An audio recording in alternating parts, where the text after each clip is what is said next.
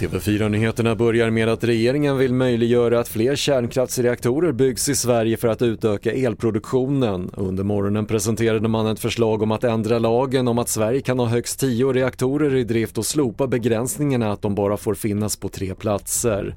Och du kan se mer på tv4.se.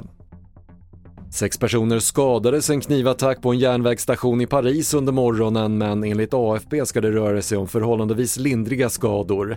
Den misstänkta gärningsmannen greps av polis som öppnade eld och skottskadade mannen under insatsen.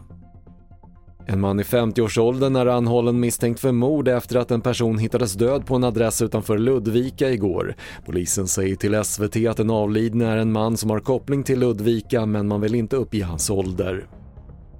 Och tågtrafiken har under morgonen ställts in på flera håll i landet på grund av kraftiga vindar. Bussar ersätter vissa avgångar medan andra ställs in helt och SMHI har utfärdat en gul vädervarning för kraftiga vindar ut med både väst och ostkusten.